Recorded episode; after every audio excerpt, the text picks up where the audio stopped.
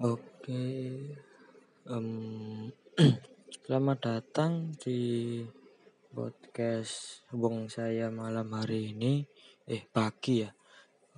Kali ini saya akan bahas tentang cara uh, install ulang melalui BIOS di laptop dengan flash disk.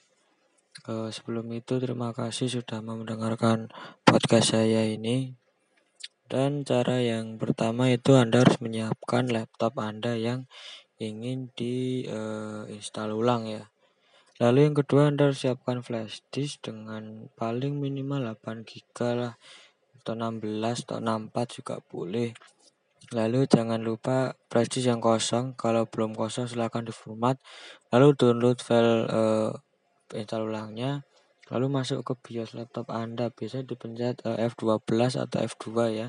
Lalu kalian pilih menu setting dan taruh di flash disk Anda itu nomor satu. Lalu pilih save and exit. Lalu di situ nanti akan auto menginstal ulang sendiri laptop Anda